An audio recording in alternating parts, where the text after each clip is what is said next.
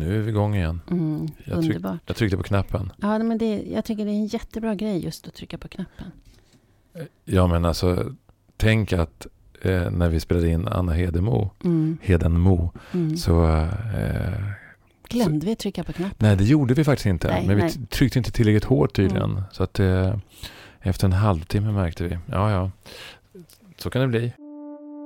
Så kan det Men det blev bli. ett samtal i alla fall.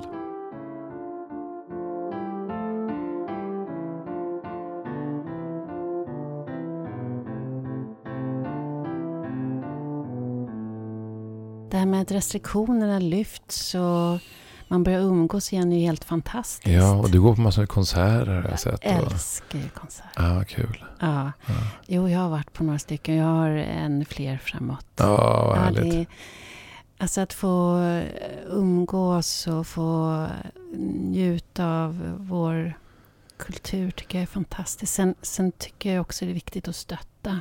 Ja, Så att, eh, nu får vi köpa biljetter allihopa. ja, just det. Mm. Ja, det behövs ju verkligen. Mm. Ja. Du då?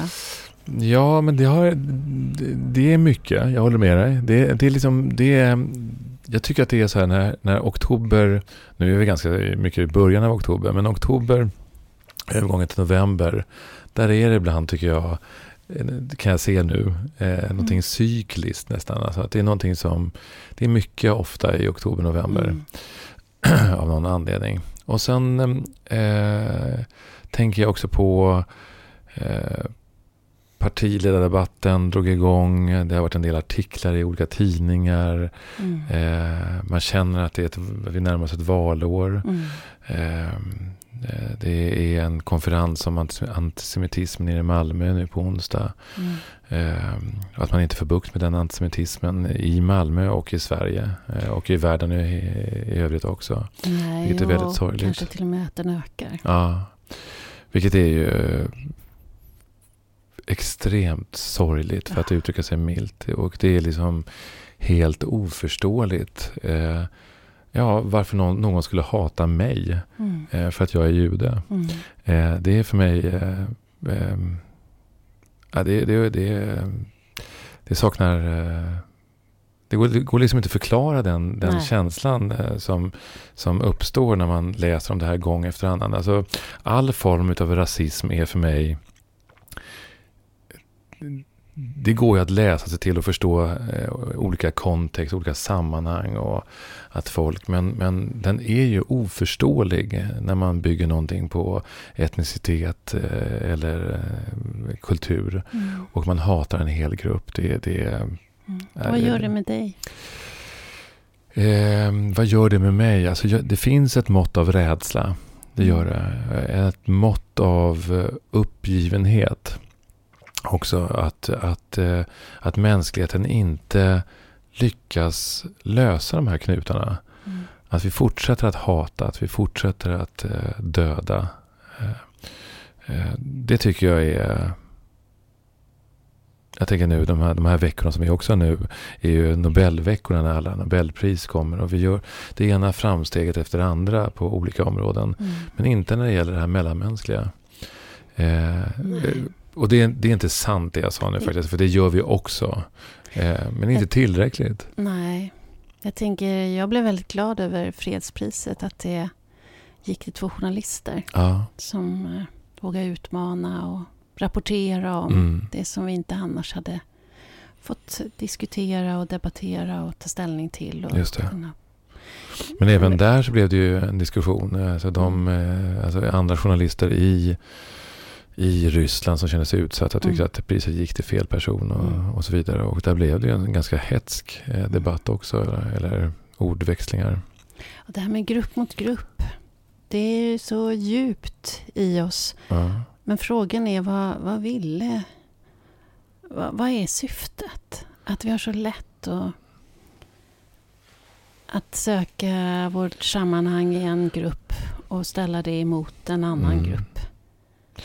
Alltså, jag tror att det är komplext. Men, men eh, en del är alltså en negativ identifikation. Mm. Jag identifierar mig själv genom att hata någon annan. jag identifierar mig själv genom att ställa mig själv mot någon annan. Mm. På det sättet så blir jag definierad. Mm. Eh, istället för att söka svaret inifrån. Mm. Vem är jag? Eh, och att vi, att vi är ju också, våra jag är så mångbottnade, vi är så mycket.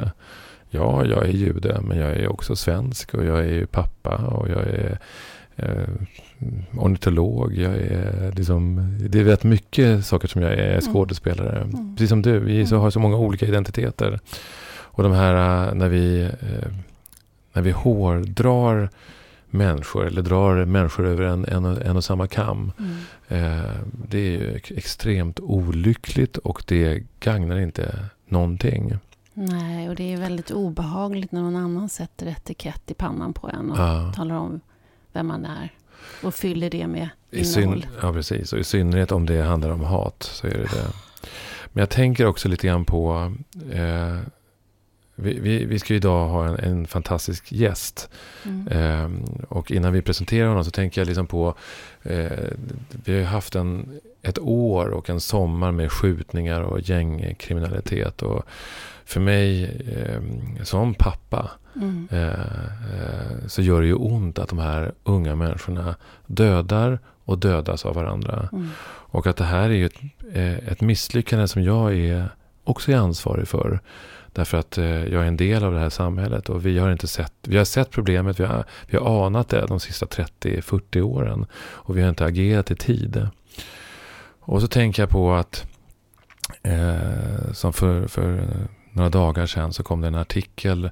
Ett, ett antal politiker gick samman och hade olika punkter för hur man skulle eh, stoppa gängkriminaliteten. Mm. Och det, jag tycker att det är klart att vi måste agera. Men det fanns inte en punkt som handlar om preventivt. Hur man förebygger. Eh, hur man Mm. förebygger Mm. eh, det hela. Hur vi ska stoppa segregationen. Mm. Hur vi ska få de här människorna att känna sig delaktiga i vårt samhälle. Och behövda, Och behövda. tänker jag. Att vi alla behöver känna oss behövda. Ja. Att Och vi det- och det har är en plats. Precis, och det oroar mig att det är så att våra politiker just nu när vi går in också i ett valår, Mm. att, eh, att, eh, att det är de enkla lösningarna, de populistiska lösningarna som kommer få eh, gehör. Istället för att vi tittar på att, att det här går inte, så här kan vi inte ha det. Vi måste börja från eh, från, från, från rotnivå Mm, för att se det här. Vi kan inte börja med poli- det, Vi behöver poliser, självklart, och vi behöver straff och vi behöver markera. Men det är inte där förändringen ligger. Mm. Nej, den, den uppfattningen delar vi. Mm. Och att det skulle vara väldigt både fint och hoppingivande att få tillsammans diskutera hur vi förebygger och Ja. hur vi jobbar med att Ja, allt ifrån hur den lilla ungen som kommer till förskolan känner sig välkomnad, vem den än är, Ja. och sen vidare i skolan. Men också hur dens familj känner sig Ja. välkomnad. Jag tror ju att vi måste börja med barnen Ja, och de som hänger runt barnen. precis. Det, jag tror också det. Mm. Du, vem är det vi ska träffa då? Ja, vi ska träffa inte mindre än författaren Tills, vi, tills alla dör. Ja. Eh, Diamant Salihu. Mm. Mm. Och han är ju inte bara författare, han är ju reporter på SVT. Mm. Sen eh, 2017 om jag minns rätt. Och Mm. innan dess var han på Expressen i 11 år. Mm. Och han har ju närmat sig många av de här känsliga ämnena. Men just eh, med gängkriminalitet har väl varit ett utav ämnena som han har figurerat mycket kring. Just det. Och när jag läste boken så det kändes ju som han inte ville sluta heller. Som att det fanns, det, det fanns en hela tiden en fortsättning. Ja, Eh, och vad jag förstår så är det ett stort intresse. Men det vet jag inte. Utan Nej. det ska vi ju få resonera kring Ja. med honom. det ska bli otroligt spännande. Mm, Ska vi gå ner och hämta honom? ja, det gör vi.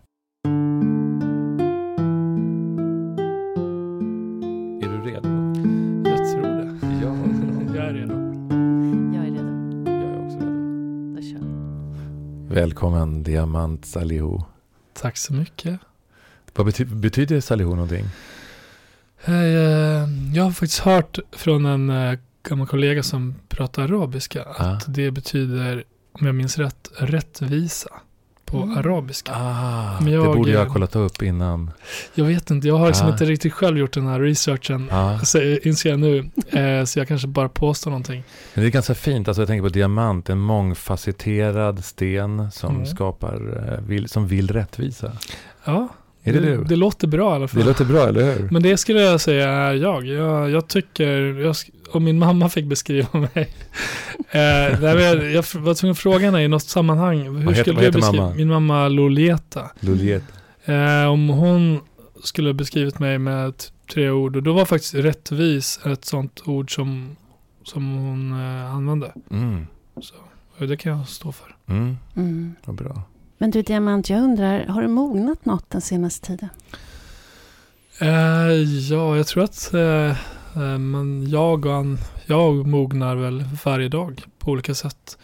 Och eh, jag tror att det som jag har gått igenom det senaste halvåret genom att jag har skrivit en bok som har blivit väldigt uppmärksammad och fått jättemycket lovord från alla möjliga människor. Att det gör väl att jag tycker jag någonstans mognar också som människa. Att jag har träffat många olika människor eh, som lär mig saker som jag inte kunde förut. Mm. Eh, jag var jätteosäker innan boken släpptes hur, hur den skulle tas emot. Och Mm. eh, vilk, om den skulle få egna vingar Mm. på ett sätt som jag inte kände mig bekväm med.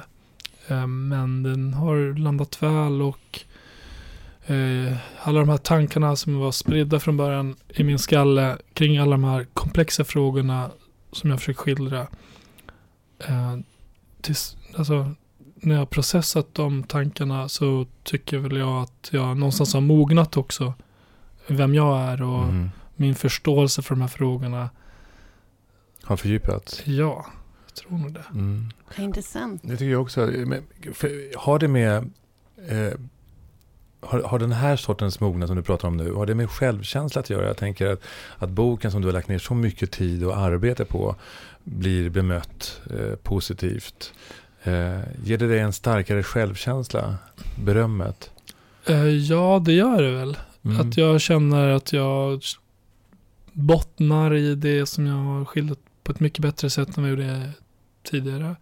Att jag också eh, att jag eh, inser att andra som inte ens visste vem jag var innan, att de förstår vad jag är för typ av journalist och var jag står någonstans. Att jag vill vara rättvis, att jag vill skildra någonting korrekt och att jag eh, också vågar vara i ett ämne som är känsligt, som, som många har åsikter om. Och att jag ändå, tycker jag själv, lyckas hålla mig liksom rätt i min egen kompass. Mm. Mm. För man rycks ju hela tiden åt, i olika riktningar från alla olika människor med olika åsikter om vad orsakerna till det här är och Mm. hur man ska lösa de här sakerna. Men jag tycker att jag, jag känner mig så pass trygg i mig själv och den kunskap jag har att jag fortfarande kan gå rakt fram. Mm. Jag vet inte om du har svar på frågan men Jo. Jo. När du hade såna här, du beskrev hur du hade farhågor innan du, boken publicerades, vart det här kan bära hän och hur det ska tolkas. Vad, vad var dina farhågor? Vad var du rädd för? Eh, jag var rädd för att eh, den skulle missförstås. Mhm. Att jag skulle eh, missuppfattas Mm. i min in- intention att försöka skildra ett väldigt viktigt samhällsproblem.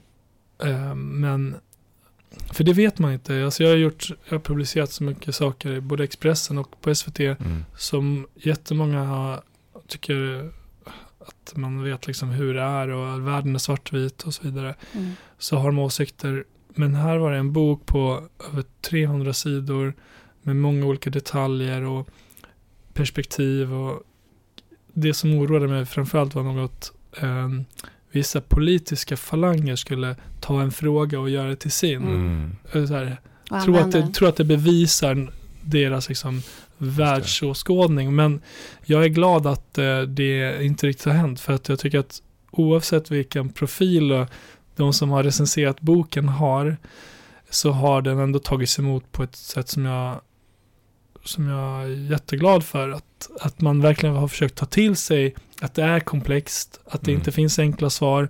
För att jag kom inte fram till det i alla fall. Nej. Och jag kanske inte är rätt person i grunden. att Jag, jag är inte kriminolog, jag är inte sociolog. Eh, men jag är journalist. Mm. Och utifrån eh, den kunskap som jag har och eh, den erfarenhet jag har så har jag inte kommit fram till enkla analyser på varför vi har de här problemen. Mm. Och den som har enkla svar får gärna höra av sig. Fort, fort. Det är bråttom Ja, vi är faktiskt. många som skulle ha de där svaren Ja. i sådana fall. Vad är det som gör... Du säger att du är en rättvis person, eller du önskar eh, rättvisa. Eh, men vad är det som har drivit dig att ge dig på ett sånt här ämne? Vad är det i Diamant som... som, som eh, eh, jag tänker, du har en annan identitet än journalisten. Vad Mm. är det i ditt hjärta som har gjort att du valde eh, gängkriminalitet och utanförskap? Eh, Jag är för det första helt ointresserad av gäng. eh, Alltså om, det, om vi pratar om det här att vem sköter vem och ehm, kriminaljournalist. En del, ibland blir jag kallad för presenterad som kriminalreporter. Ja. Och jag har aldrig identifierat mig som kriminalreporter.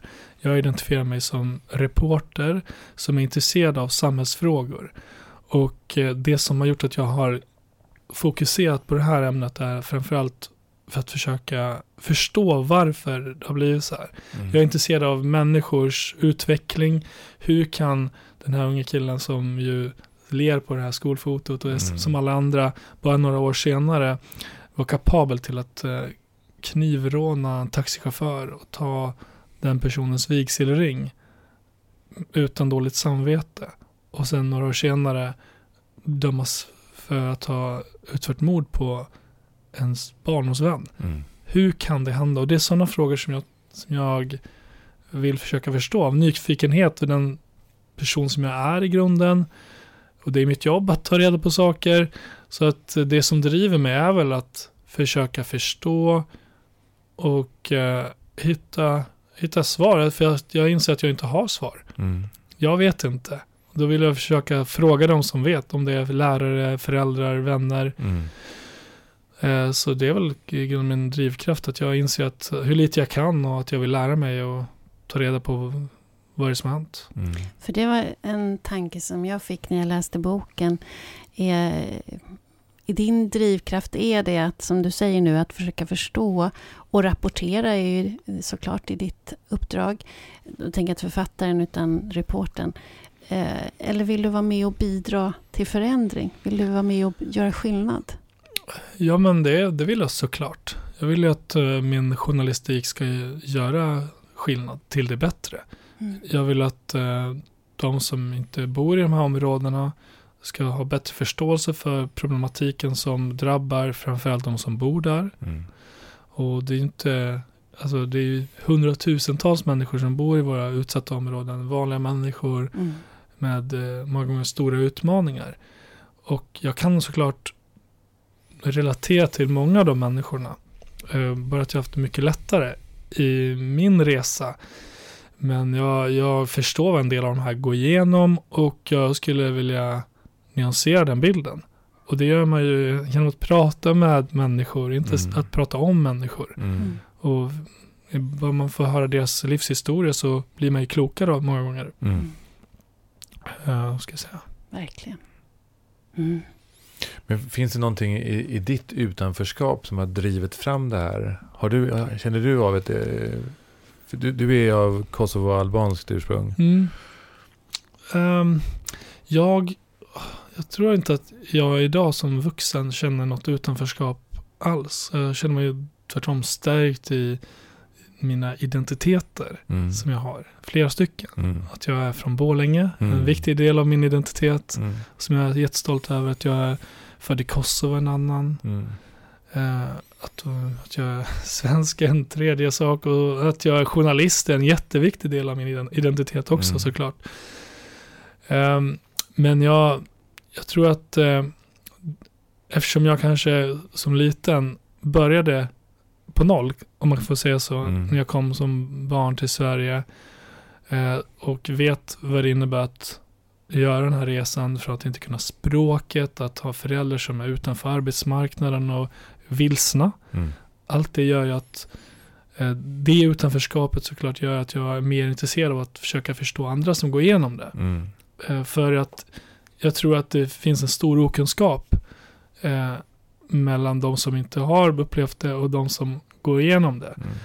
Och jag tror också, eller jag vet tycker jag, att de som lever i ett utanförskap idag lever i ett mycket tuffare utanförskap än som jag upplevde när jag växte upp i Borlänge. Mm. För de som föds idag i det här samhället eh, lever ju i en isolerad bubbla många gånger.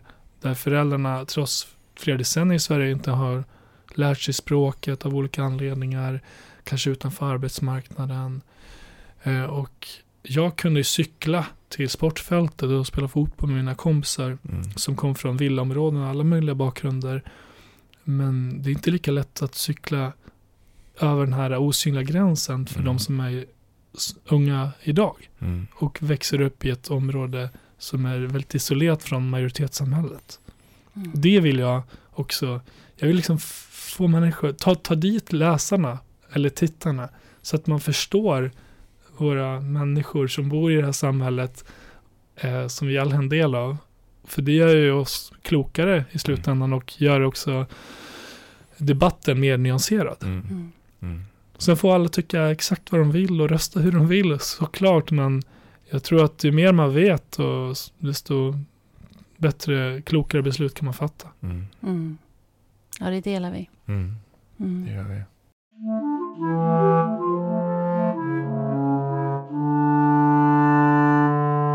Du har ju närmat dig många sådana här svåra ämnen.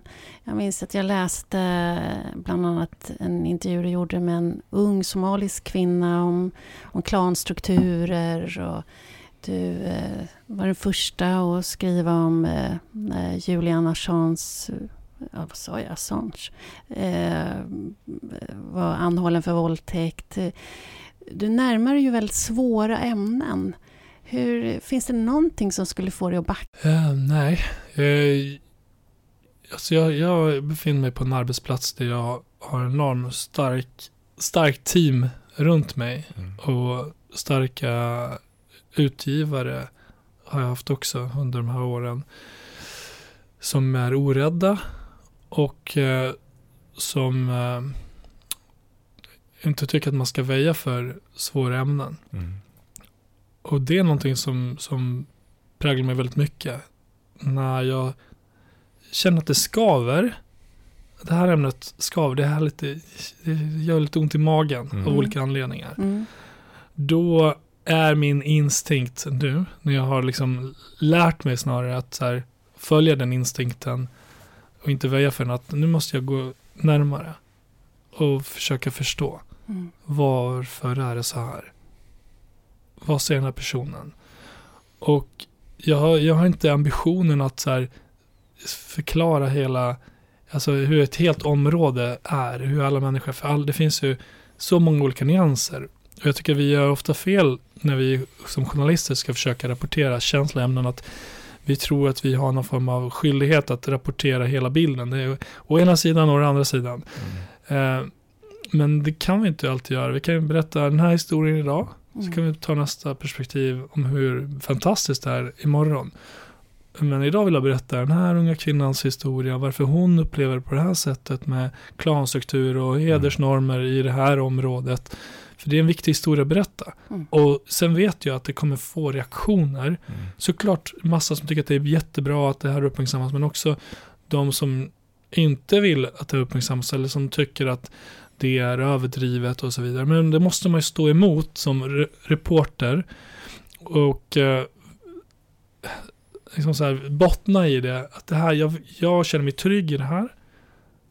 Och kritisera mig hur mycket ni vill. Men peka på sakfel om ni hittar sådana. Eh, För det här är viktig journalistik och så länge man har starka utgivare runt omkring sig så, så är det stärkan i sig att Mm. eh, man kan beröra vilket ämne som helst i princip. Och jag tycker att det är vårt ansvar och det är något som jag i alla fall tar till mig att jag vill hålla på med. mm. vad den är. Och, och därför i boken tänker jag så blandar du eh, journalistik med berättelser. Eh, och det, det skapar en, en, form av balans. Eh, av, av, jag tänker att du använder ordet reporter. Jag tänker att det var så länge sedan jag hörde ordet reporter. Mm. Eh, det var så här på 70-talet tänkte jag att man sa reporter. Men det kanske man gör fortfarande. Det, det, det är ingen anmärkning. Men jag tänker att en reporter rapporterar. Det vill säga han ser, eller hen ser vad som sker och rapporterar. Utan att lägga in några... Men en, en journalist kan också, tänker jag, kan också lägga in vissa eh, egna åsikter eller en aspekt på, på situationen. Och det upplevde jag till exempel i, i boken att, att du gör. Också när du väger upp det med berättelserna från människorna i de här utsatta områdena. Hur tycker du att jag lägger in egna åsikter? Nej, alltså jag tror att det är att, att eh, jag ska inte göra, göra en sån recension av boken, men jag tänker att det är svårt att komma ifrån att det finns ett, ett visst mått av åsikt när man rapporterar också. Eh, jag har svårt att se att, att, att, det, att vi har möjlighet att vara objektiva. Eh, vi kan vara det så långt det är möjligt, men det är klart att vi påverkas av någons berättelse. Eh, men det betyder inte, jag, jag menar inte att det är negativt. Jag tycker att det ger en, eh, att, det, att det ger kött. Eh.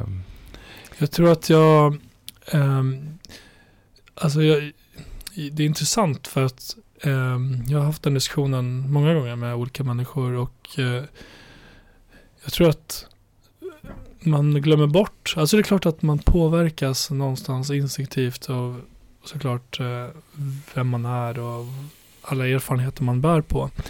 Men som reporter, som jag identifierar mig som, så är jag också medveten om de erfarenheterna jag bär på och att mina åsikter kan äh, skapa fördomar mot mm. människor jag träffar. Och att jag är ständigt så här på att jag har det i beaktande. Varför, varför väljer jag ämnet? Hur ställer jag frågor? Eh, är jag påverkad av någonting annat eh, som, som jag kanske borde vara medveten om. Att mm. Den diskussionen har jag med mig själv men också med mina kollegor, mm. redaktörer, att man är tränad i sin profession att hantera det, att väja för att, att, eh, att man blir partisk. Mm. Och jag försöker, många försöker såklart så gott de kan.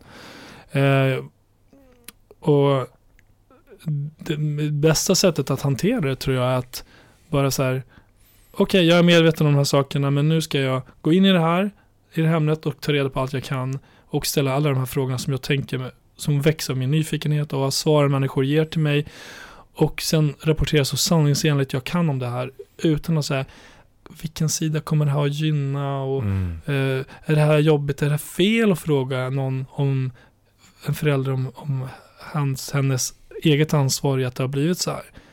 Nej, det är inte fel. Det är jätteintressant. För mm. svaret är oftast jätteintressant. Mm.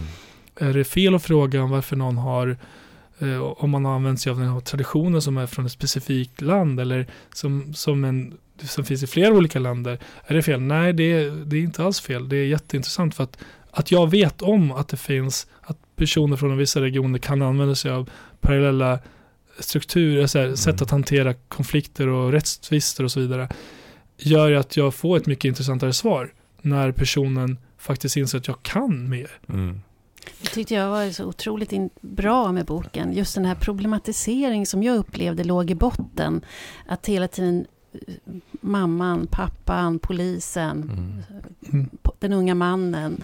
Att alla de här perspektiven ställdes mot varandra och det gavs ingen slutsats. Utan den fick läsaren själv dra. Så uppfattade mm. jag det i mångt och mycket. Men jag vill ändå gå tillbaka till när du säger det här att ja, men jag har så, så stabil kontext. Jag eh, väjer inte. Jag, jag känner när det skaver och så dras jag dit. Jag vill undersöka, eh, utforska.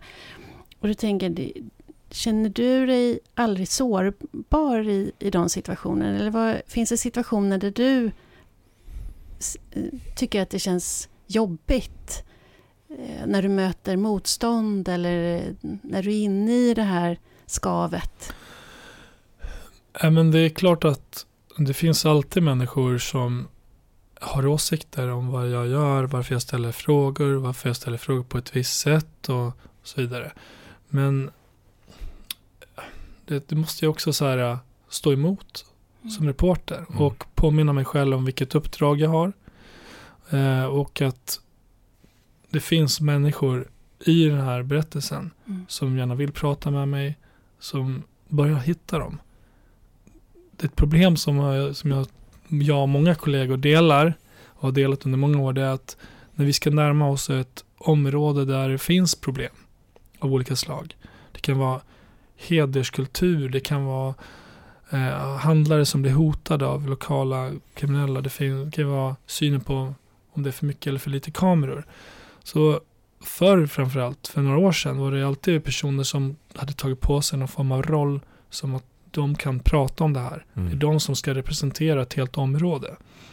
Och jag har alltid försökt undvika det, de typen av personer för Mm. att de gör, de, ingen kan representera ett helt område. Jag försöker hitta de andra människorna bakom som normalt inte söker en plattform, Mm. som inte har en plattform. Vad tycker du? Mm. Och därifrån försöka förstå bilden bakom de här som kanske hör till en, ett politiskt parti eller en organisation med en agenda Mm. som, som, som eh, jag inte vill Alltså jag har inget, inget intresse, det är klart jag kan prata med dem, men jag är ju mer intresserad av vad vanliga människor tycker. Mm. Men är det så att, att, eh, att jag tycker det är jättespännande det här. Eh, och jag tänker så här, eh, känner du ingen lojalitet med vissa, eller är det så att verklighetens sanning är det som är, eh, som är drivkraften? Ja, ja, det tycker jag verkligen.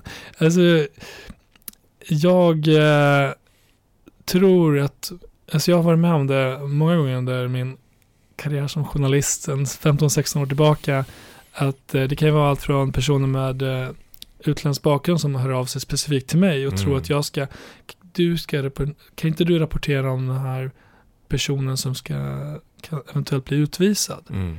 Eller du som är alban, Mm.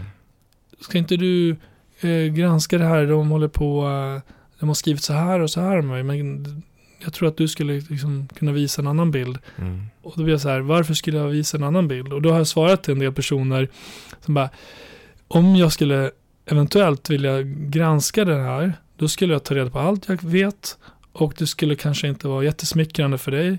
Eh, Och jag skulle ställa eh, alla frågor som jag skulle se som nödvändiga, bara så att du vet. Mm. Eh, Men som jag ser det nu så har inte det här riksintresse. Så jag rekommenderar att du vänder dig till någon annan lokal journalist Mm. istället.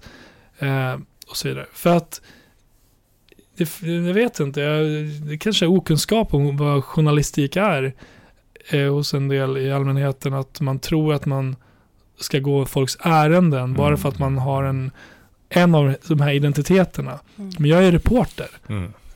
i första hand. Mm. Sen händer ju det som du beskriver också. Eh, inte med dig, men det finns ju sådana rapporteringar där man kan känna att det finns en annan agenda bakom rapporteringen. Eh, Jag tycker att vi alla måste jobba mer med att vara, försöka hålla oss neutrala. Mm. Det kan ju inte vara aktivist och journalist. Nej. Och kalla det, jag vet inte, jag tycker inte man kan kalla sig journalist om man samtidigt kan vara aktivist och Mm. debattör. Mm. Eh, håll isär det. Mm. Mm.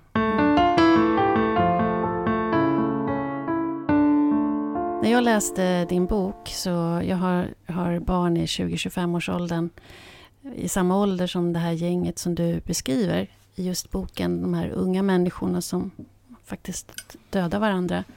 Och ehm, ett av mina barn, han sa så här, jag, jag orkar inte läsa, det är så tungt, det är så svårt att ta in att bara några tunnelbanestationer härifrån så ser det ut så här.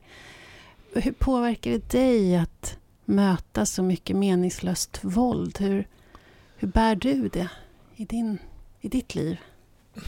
Alltså det är klart att jag också blir påverkad. Jag har kommit hem många gånger eh, och är helt slut i skallen. Eh, min fru frågar mig, vad har du gjort idag? Mm. Kan du berätta? Och jag säger så här, kan vara snälla få ligga i soffan och bara få vara. Mm. Jag orkar inte prata om alla människor jag har träffat idag. Hur mycket jag fått kämpa för att övertala dem att ställa upp, bli intervjuade. Eller man, man hör deras historier och allt vad de har gått igenom. Det är klart att det påverkar. Mm. Men jag, någonting som slukar väldigt mycket energi som reporter när man är ute i, i mitt fall, eh, områden där det bor många där, som, som har våld väldigt nära sig Mm. hela tiden. Det är en misstro de känner mot oss journalister. Mm. Eh, och också eh, rädsla för att säga att de är oroliga. Mm. Alltså saker som en, många kanske skulle säga, ja men det är klart att eh, jag är jätteorolig. Mm. Det blir en väldigt stor sak. Mm. Och jag blir nog snarare orolig som människa Mm. och journalist över att det är egentligen ett extremt stort demokratiskt problem vi Mm. har Mm. när människor inte ens vet att de kan använda sin yttrandefrihet i de här, i de här fallen. Mm. Hur ska vi då lyssna och ta del av vad människor upplever? Mm. Det kräver ju varje gång att, att vi, vi lägger ner jättemycket tid på att vara pla- på plats och det är inte alla redaktioner som har de resurserna att, Mm. att göra det.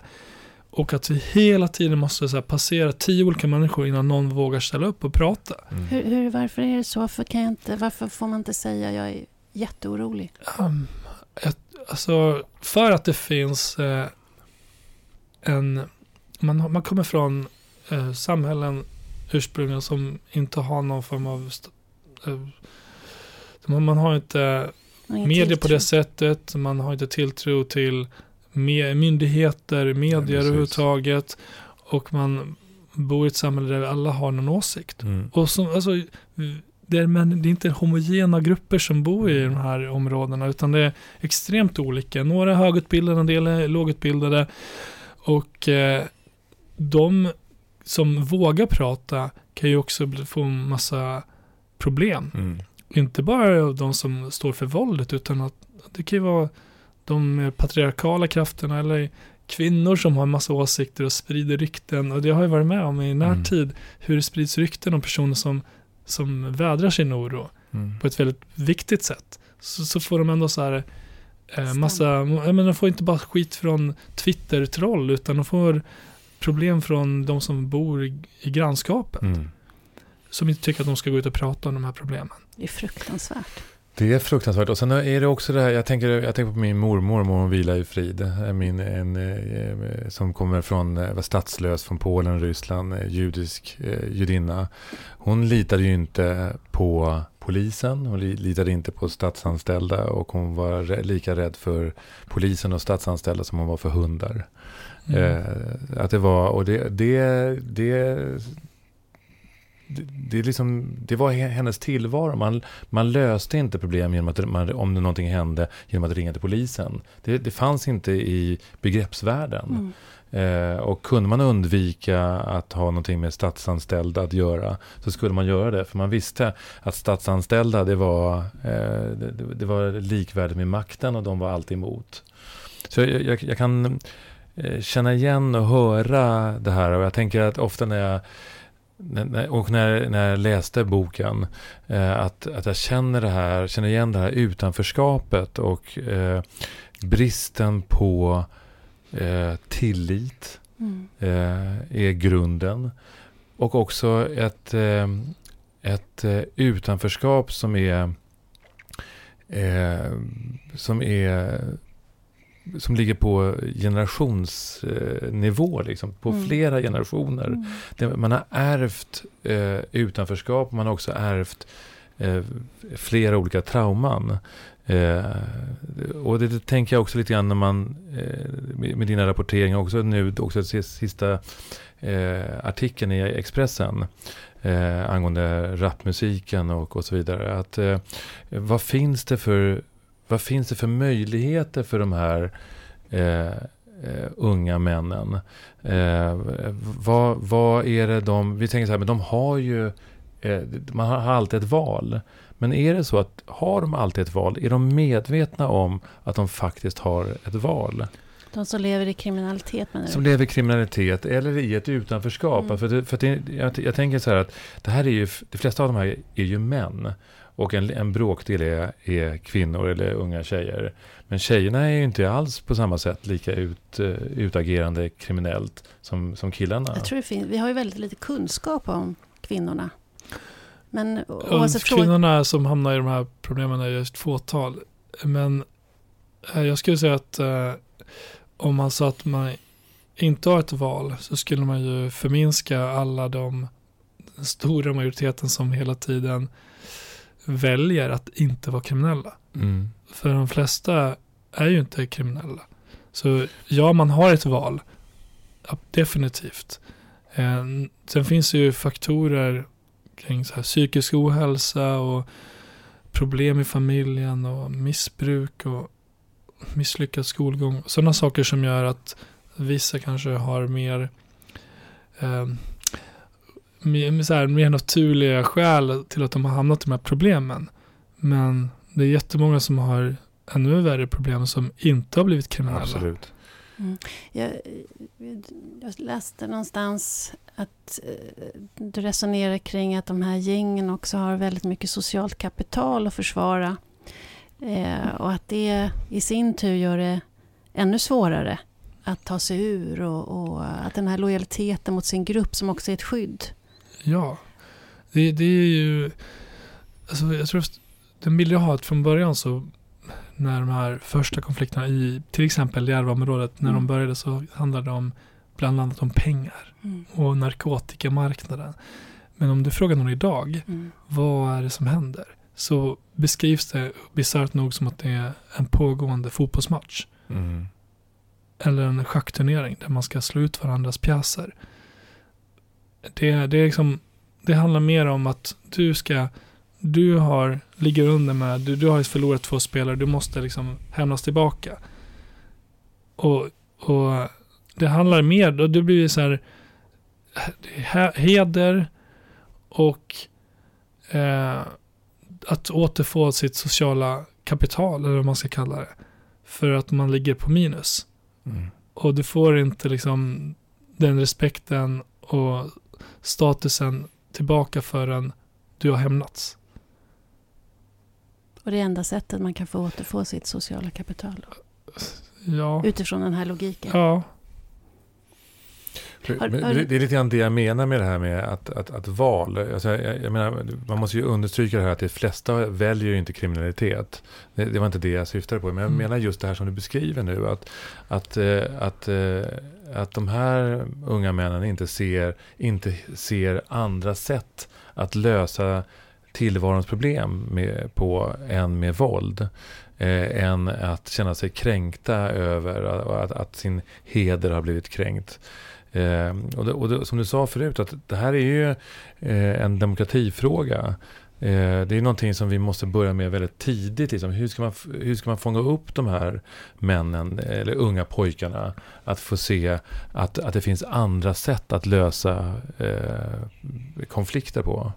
Jag tycker, ja, förlåt. Ja, men eh, man, man jobbar ju redan idag på vissa skolor med så här, samtal om hur man ska hantera konflikter med varandra och hur man ska prata till, som killar då, med tjejer utan att vara kränkande och så vidare. Mm. Det är väl ett sätt, men jag tror att eh, om, man, om man växer upp i en miljö där väldigt många redan, som du ser i din vardag, Mm. håller på med narkotika och brott där det är en karriär, Mm. så är inte det liksom en... Det är inte, det är inte bra att starta där. Utan det som jag hör från polisen, att man måste få bort alla de här personerna som begår brott. Eh, som ett första steg så att man inte har kvar de här förebilderna i området. Eh, se till att de här klarar skolan. Mm. Väldigt många klarar inte skolan. Eh, hur ska man se till att de som har läs och skrivsvårigheter i ett tidigare skede kan få rätt stöd?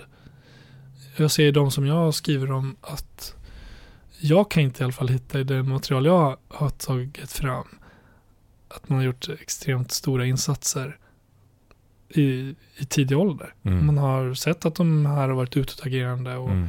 inte hängt med i skolan. Mm. Och, och sen har de ändå haft jättehög frånvaro.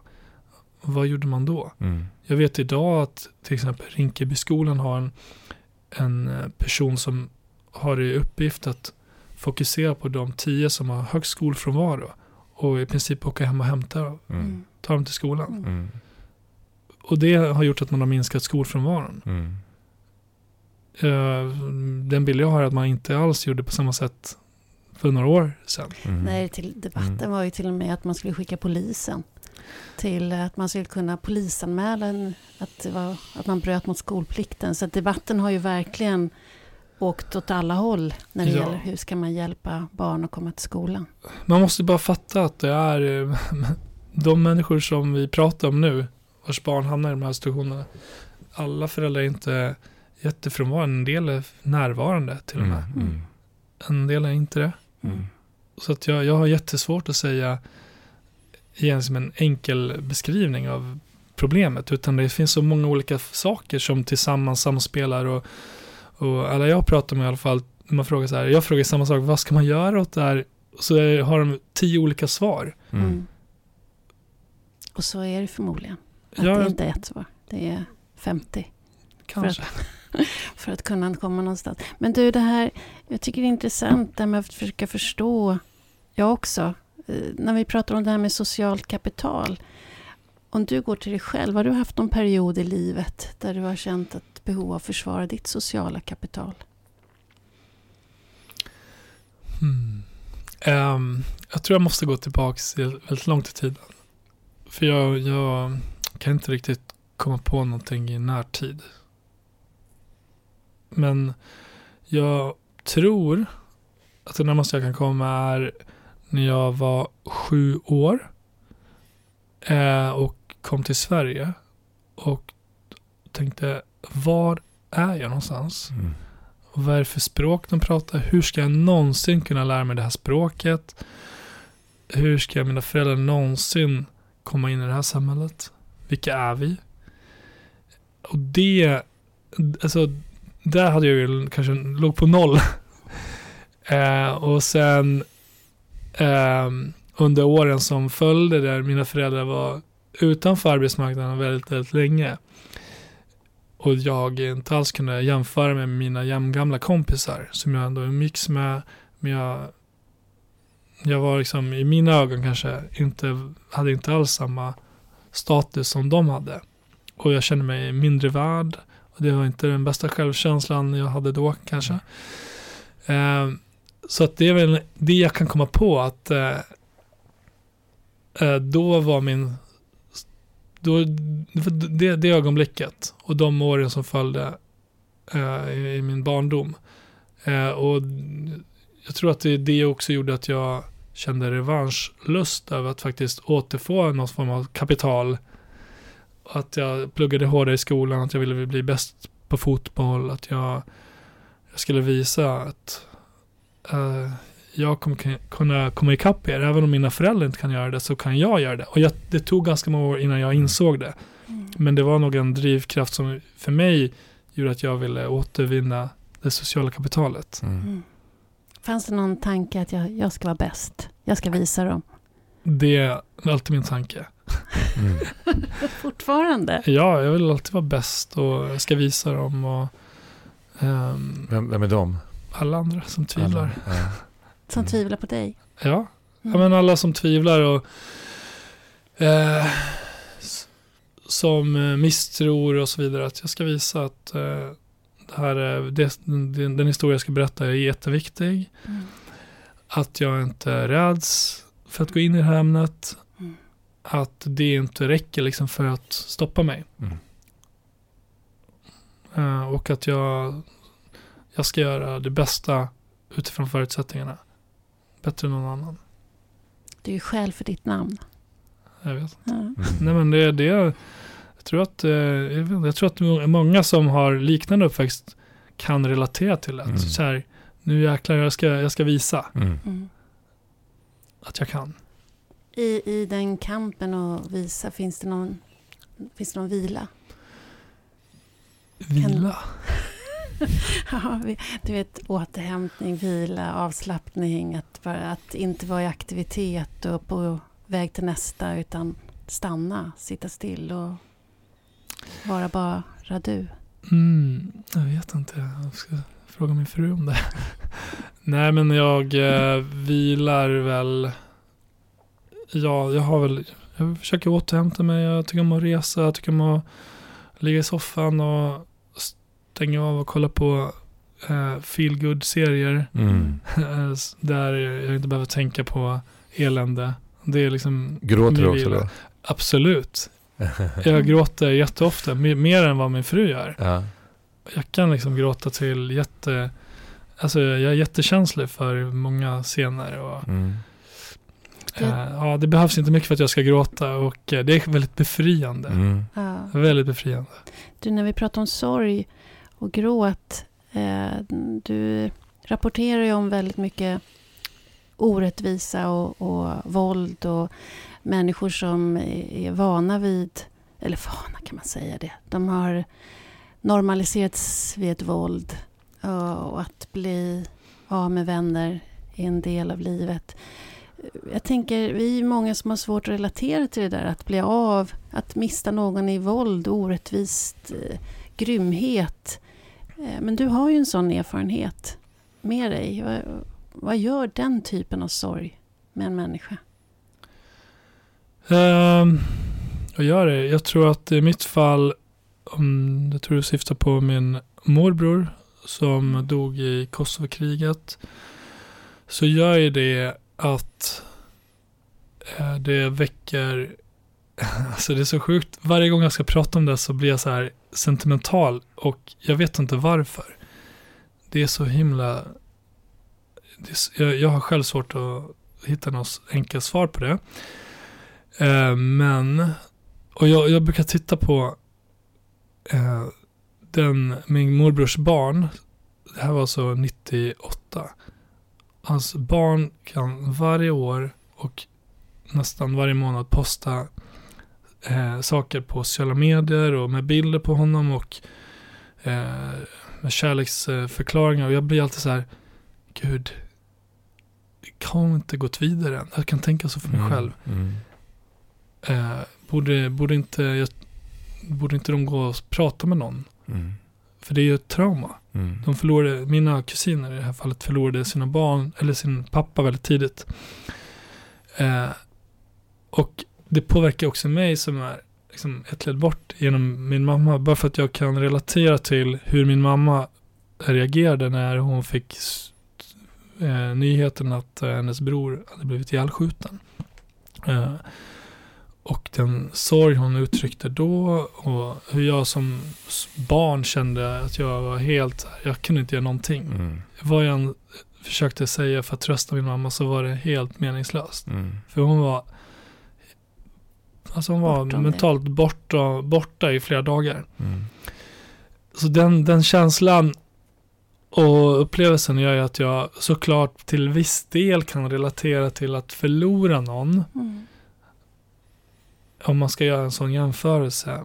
Mm. Eh, jag blir medveten om vilken sorg, vilket trauma det skapar. Och jag får förståelse för de föräldrar och syskon som jag ser idag som har förlorat sina Mm. eh, barn och syskon i de här konflikterna. Mm. Hur de sörjer hela tiden. Mm. Mm. Hur de postar på sociala medier och år efter år. Mm. Eh, och att det också är jäkligt svårt för dem att prata om det. På grund av att de är i en, liksom en bubbla där många eh, inte tycker att de ska prata. Där de är rädda för att prata för det kan få konsekvenser för deras syskon. Alltså att man inte ens kan prata om den sorgen. Mm. Hur är det? Mm. Jag kan åtminstone så här nu, och mig väcker det fortfarande känslor, fast det inte var, det var min morbror, jag älskade honom så enormt mycket, men det gör ont i mig idag. Mm. Vad gör de med människor som har förlorat det närmaste de har, Mm. Mm. när de inte ens får prata om det utan att det Mm. så här, kan få konsekvenser? Det är väldigt fint när du pratar om det här nu. Jag blir, blir själv berörd av det Ja, hela. jag blir också berörd. Och sen är det också en, ett stråk till som händer här. Det är att det kommer fram lite dalmål. eh, och det, det, är, det är en klassiker att man eh, återgår liksom till, det, till eh, sin, sin ursprungsdialekt. Ja. Lite grann. Eh, känslor och sådär. Det var ju väldigt fint att det, att, det, att det väcker den biten.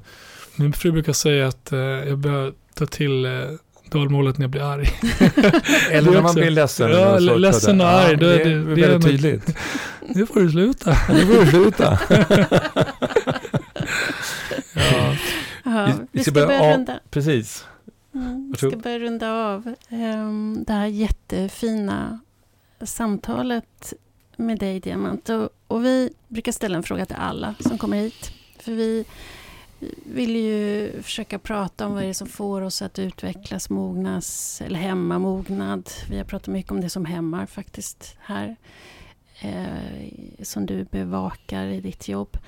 Men vad tror du om du får tänka stort, hur, hur får vi, hur, hur kan vi bidra till att vårt samhälle, människorna, med vi som lever här tillsammans växer och utvecklas som människor?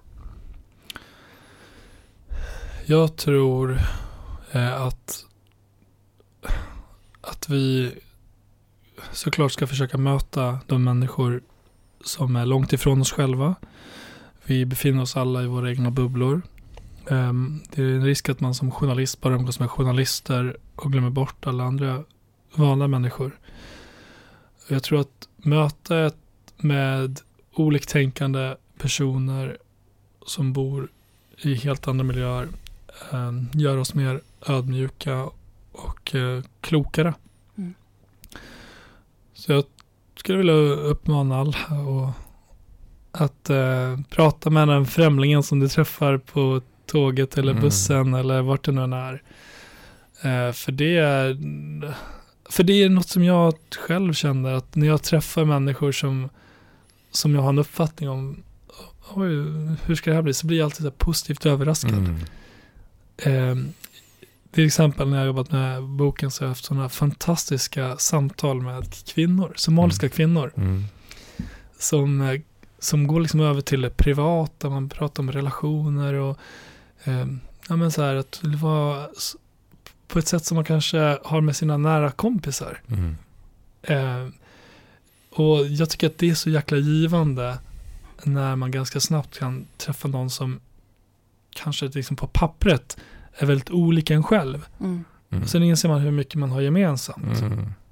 Det är så här självklara saker, men jag, Men det som, behöver sägas flera gånger. ja, men Ja, jag som verkligen. reporter måste ju Ja. tvinga mig in i sådana upprepas. möten. Det är det som är mitt jobb, för jag måste ta kontakt. Och det är mitt privilegium, ska jag Ja. säga. Mm. För att jag får träffa de här personerna. Mm.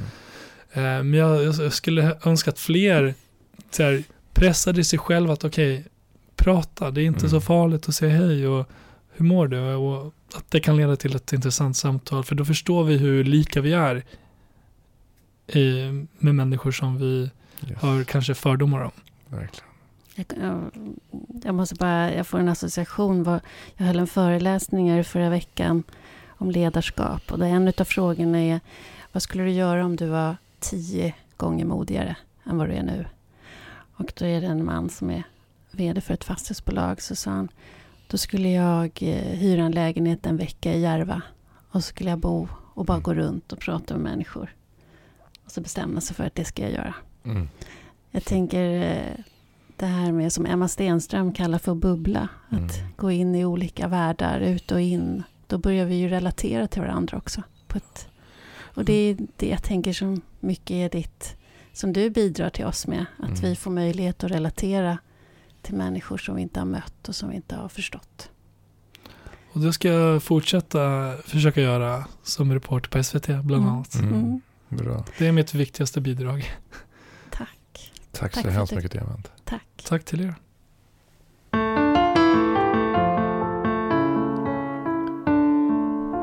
Tack Diamant Salihu. Mm, tack Diamant. Ja, Jag är lite tagen. ja det, är, det är faktiskt jag också. Nej, Finns det hos dig just nu? Ja, men alltså det, jag tycker att det, fan, det, det finns något så otroligt vackert när man har ett sånt här samtal som, som svänger så. mm, eh, Där, där jag känner av både vad han säger, alltså de Mm. faktiska orden. Men jag också känner det som är mellan orden. Mm. Eh, hans drivkraft och hans men- patos. Liksom. Eh, Verkligen, men han hade också väldigt stark närvaro som kändes i rummet. Ja. Jag vet inte vad det har- har med saker att alltså Jag vet inte om det är känslor eller vad det är som gör att man känner en människas närvaro Mm. mer. Ja, man känner ju alla människors närvaro såklart, men en del känner man lite mer. Ja, men det, det har lite grann med eh, eh, att han... eh, Det, känns lite grann som att han är ute på ett uppdrag. Ja, Ja. ja, Eh, ja. Och det kändes tycker jag. ja jag tänkte på det där han berättade, att det är svårt att få människor att prata. Att, Mm. att man är rädd för att prata. Och, Mm. och som han då eh, pekade på hur, hur, eh, vilken katastrof det är för, för demokratin. När medborgare och människor i samhället inte längre vågar ta ton och Mm. vågar ge uttryck för det de upplever. Precis, och det har vi ju haft. Jag menar Helena von Zweigbergk. Hon Mm. eh, nämnde ju en, för en annan författare. eh, Som jag tyckte hette Ed Schneider tror jag. Mm. Som sa, som sa att eh, småpratet är Just eh, tyranniets motstånd eller Ja. något sånt, sånt liknande. Eh, och det ligger ju väldigt mycket i det. Mm. Och det, jag tänker också att vi återknyter till det, varför vi gör den här podden. Det är ju att vi vill samtala, tala tillsammans. Mm. För att få till de här, att bygga broar på det här sättet. Och, och Ja. lyssna till varandra. Lyssna till varandra Mm. och reflektera tillsammans. Mm. Mm. Och också tyckte jag att det var, eh, jag sa ju det också, att det var länge sedan jag hörde ordet reporter. Mm. För mig så här, det känns som när, när, när, man, när det var Norrmalmstorgs eh, aff- eh, vet du det, eh, Rånet. rånet, ja, Norrmalmstorgsrånet. Då var det en reporter som stod där och rapporterade vad som hände. Alltså, det kändes som ett, ett, ett gammalt ord. Alltså, Nu tänker en- Tintin. Ja, just det, precis lite grann. Och trenchcoat. Eh, Ja, nej, jag, eh, nej, så tänker inte jag. Jag tyckte det var väldigt fint det där med att vilja berätta, vilja rapportera om mm. samhället och olika perspektiv och att allting finns där samtidigt. Och att, och, och att att skapa är, förståelse. Just det. Men jag tänker på vad han menade, vad jag upplevde att han menade med just reporter var ju att han inte berättade sin historia. Mm. Utan han försöker i i möjligaste mån eh, rapportera Mm. det som har hänt eller det som har sagts. Mm. Eh, så, så objektivt som möjligt. Mm. Och det där är ju också en diskussion huruvida vi kan vara objektiva. Ja, fast jag, jag, jag har ju, jag, det var ju min dröm när jag var liten att bli journalist. Mm. Eh, och det är lite det som jag har försökt med mina böcker. Eh, när jag har samtalat med människor. Är ju att skapa någon slags plattform för andra människors berättelser. Därför jag har alltid varit så noga med att det ska vara i talspråk. Att det ska vara, Mm. Mm. de här samtalen ska kläs med att det är den här människans röst. Att det inte Mm. omtolkat utav mig eller sammanfattat eller summerat. Mm. Vilket inte alltid bokförlagen har tyckt varit så bra. Nej, jag. Men eh, jag tycker att det finns något jättespännande i det där att låta andra tala till punkt och Mm. låta oss lyssna på när någon annan talar. Mm.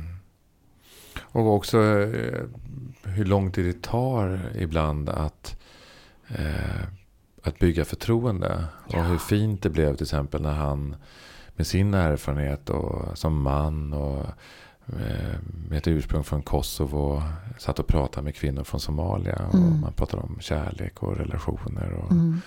eh, men att det tog sin, sin tid innan Ja. man kom dit. Ja. Att vi, vi behöver det. Ja. Vi behöver ge varandra tid för att liksom våga komma varandra närmare. Men också det som han sa, som flera av dem som vi haft besök av har sagt, hur viktigt det är att gå in i någon annans bubbla. Att Mm. inte fastna i sin kontext. Mm. I mitt fall på Kungsholm, med ditt fall på Södermalm. Mm. Att, Mm. att bara vara där i sin egen lilla bubblet. Hur viktigt det är att träda Mm. utanför. Och Emma Stenström som eh, pratade just om bubblor som vi Mm. hade i våras. Mm. Hon kommer ju faktiskt tillbaka. Ja, Ja, vi ska ju träffa henne igen. Av förklarliga skäl som vi tar då. det tar vi då. Ja. Mm. Har du bu- bubblat något? Har du varit inne någon annans? Har du mött någon annan kontext än bara den senaste tiden? Ja, eh, en annan verklighet eh, faktiskt. Eh, eh, och, och det var nyligen när jag var ute och reste och på en, på en tågstation så var det en man, eh, en ung man i 25-årsåldern som var väldigt, väldigt upprörd. Och han skrek och han ville att polisen skulle komma dit. Och, och han fick inget gehör och eh, eh, även jag höll mig på min kant till en början. Eh, för att jag trodde att han var drogpåverkad till en början Mm. Och han började slänga ner eh, plankor och sten på spåret. Eh, och då var det först en, en kvinna och en man som eh, reagerade och sa åt honom att han skulle lägga av med det där. Och, och så, vad som händer då det är att eh, jag hör att eh, han beskriver en helt ohållbar situation som jag pratade om tidigare. Mm. Och det är det, den situation som flyktingar har idag som inte, får ha, som inte har några, i- som inte har några ID-handlingar. Och Där- då inget bankkonto. och inget bankkonto. Och kan Nej. då därför inte heller betala. Och i ett av världens mest eh, utvecklade länder och digitaliserade länder så kan man inte betala en biljett. eh, Mm. med- Eller en med- kaffe. Nej, eller en kaffe. Eh, och han hade hamnat i, i en slags Kafka-situation.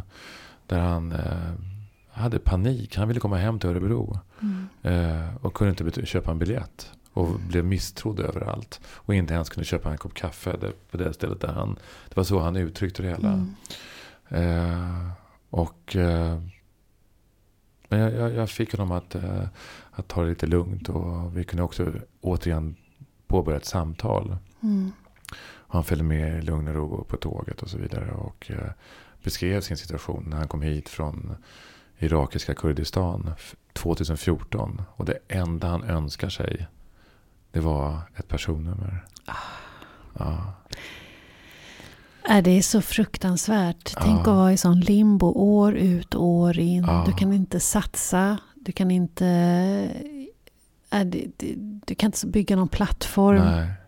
Det måste vara en... Och det var det han också uttryckte. Alltså att han ha- hade massor med idéer som han ville genomföra. Mm. Och han var hela tiden stoppad. Eh, eh, och han frågade också, varför fick jag komma hit? Mm. Om jag inte får jobba, om jag inte får göra rätt för mig. Mm. Eh, Det är en berättigad fråga. ja, det är verkligen en berättigad fråga. Och det,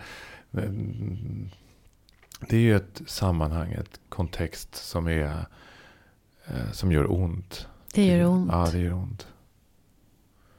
Vad härligt att den kom på tåget. Ja, Den här gången. ja precis.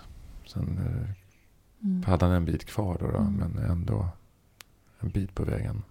Mm. Ja.